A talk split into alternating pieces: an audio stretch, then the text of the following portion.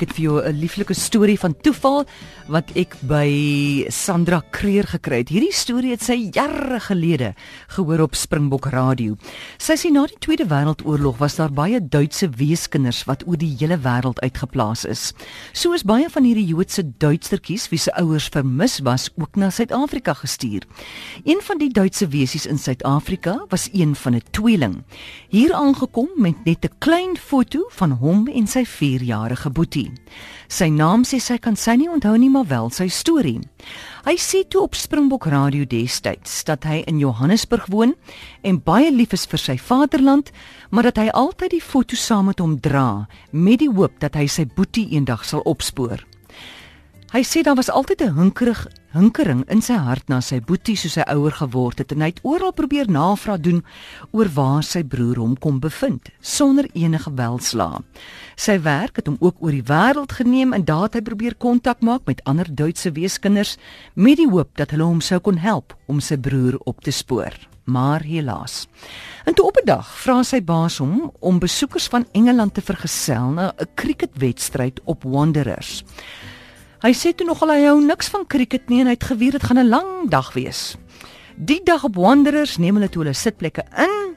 Alles verloop toe nou maar soos wat dit by 'n cricketwedstryd verloop. Jy weet die kolwers kolf en die bowlers bowl. Daaraan het hy geen erg gehad nie, maar hy het hierdie vreemde gevoel gehad, nê, heeldag dat iemand vir hom kyk.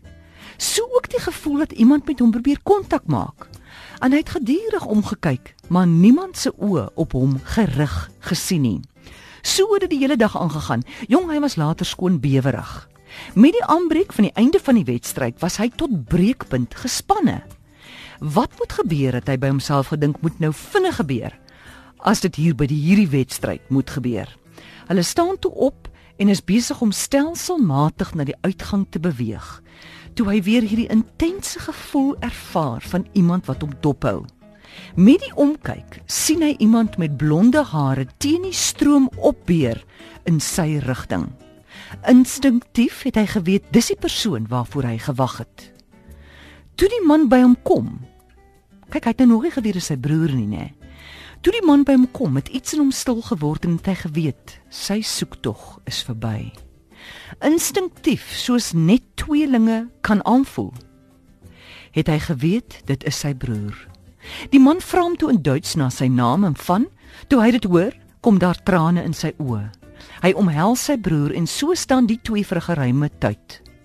Onbewus van hulle omgewing, net intens bewus van mekaar en die groot rustigheid wat oor hulle gedaal het. Uit die broer se sak haal hy toe die fotootjie wat van hulle twee geneem is net voor hulle uitmekaar is. Daar op Wanderers is hierdie broers na 40 jaar weer verenig. Die broer vertel dat hy uit Australië hier was vir besigheid en omdat hy 'n ywerige cricket-entoesias is, het hy besluit om in sy aftyd Wanderers toe te kom en so die geleentheid van 'n leeftyd raakgeloop om met sy broer verenig te word. En Sandra sê dit was voorwaar die gelukkigste einde waarvan ek nog ooit gehoor het. Dit was ook nie toeval nie, dit was hulle bestemming.